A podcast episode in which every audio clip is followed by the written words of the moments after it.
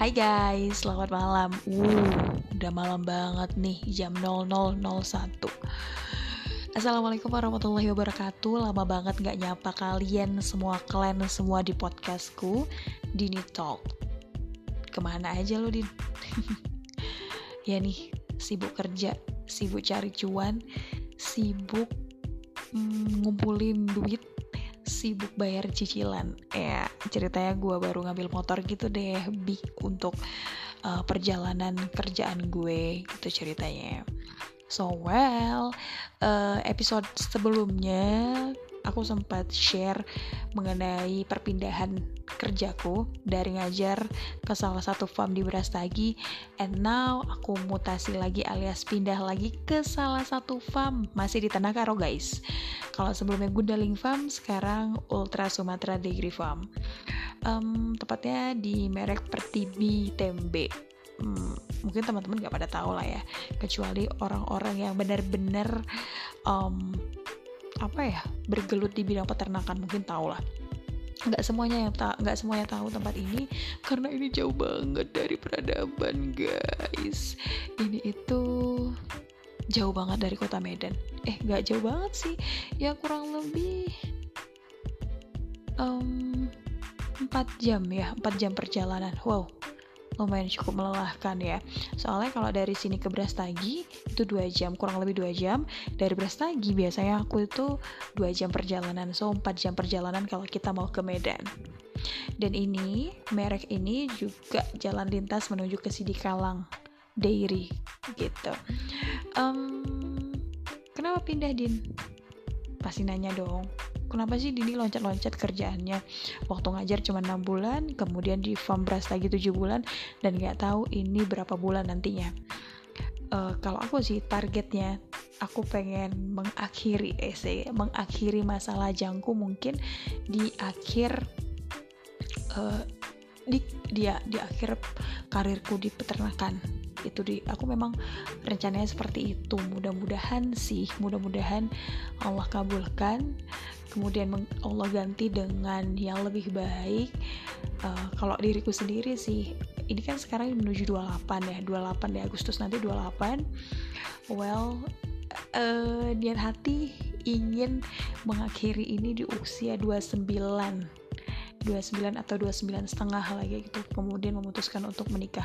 Tapi nggak menutup kemungkinan sih jodoh itu kan cuma Allah yang ngatur ya. Kita cuma berusaha berikhtiar uh, memperbaiki diri so aku berharap sih di sini ya mudah-mudahan aku uh, di akhir karir ini juga uh, berakhir sudah ya berakhir sudah aktivitas melelahkan sebagai karyawan kayak gitu. Pengennya sih jadi istri kemudian bekerja di rumah kemudian ada usaha di sana gitu tidak bekerja di luar rumah. Pengennya sih seperti itu. Tapi rencana Allah pasti jauh lebih baik dari rencana kita sebagai manusia. Gimana ya? Aku mau cerita apa sih di podcast ini? Intinya sih aku mau ngabarin teman-teman semuanya bahwa aku udah pindah kerja. Terus apa gunanya sih Din lo ceritain ke teman-teman podcast lo?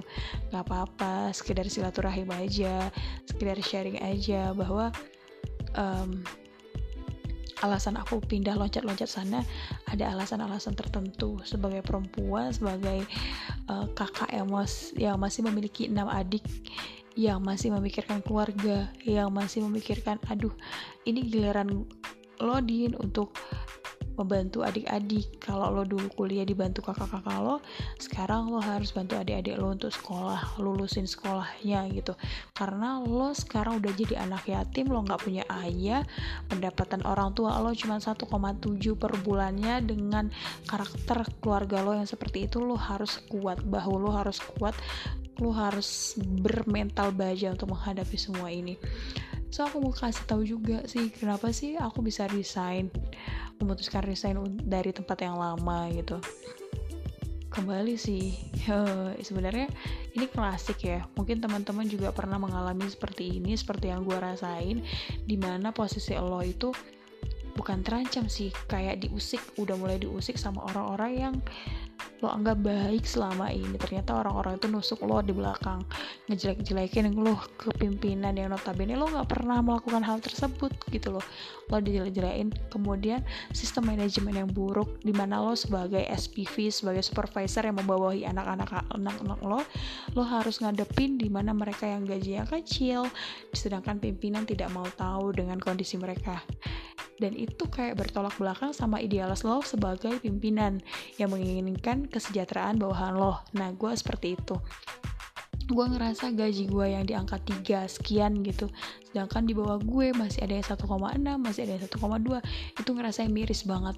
Di mana mereka tuh bekerja dengan effort yang lebih dengan kekuatan yang kekuatan kekuatan fisik ya. Memang sih mereka tidak ber, tanda kutip tidak berpendidikan seperti aku gitu. Tapi setidaknya adalah penghargaan lebih. Kenapa? Karena setiap daerah itu memiliki UMK yang notabene itu yang sudah sesuai dengan um, pekerjaan yang udah sesuai dengan tingkat pendidikan. Kenapa tidak disesuaikan gitu loh? Apa alasan perusahaan tersebut? Sedangkan itu adalah hak dan kewajiban perusahaan dan uh, hak dari karyawan gitu. Itu sih yang menjadi dilema bukan merasa pahlawan kesiangan enggak tapi setidaknya gue sebagai SPV di situ udah memberikan yang terbaik buat anggota gue. Udah memberikan penilaian sesuai dengan kinerja mereka tapi tidak digolkan dengan orang-orang yang berukup berwenang untuk menyesuaikan pendapatan mereka. Itu sih. Um, yang namanya manajemen dari suatu perusahaan gak sama ya. Kemudian gak ada yang sempurna seperti kita sebagai manusia gitu. Pasti ada plus dan minusnya kayak gitu.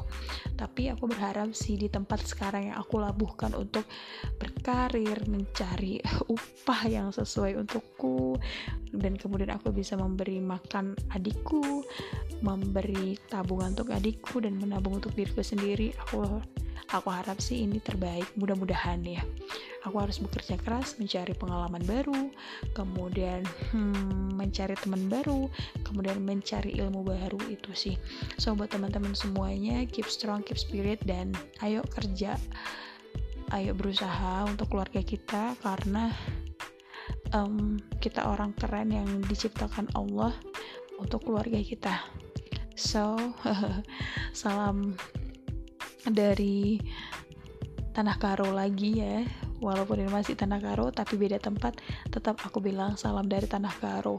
Horas Bejuah Juah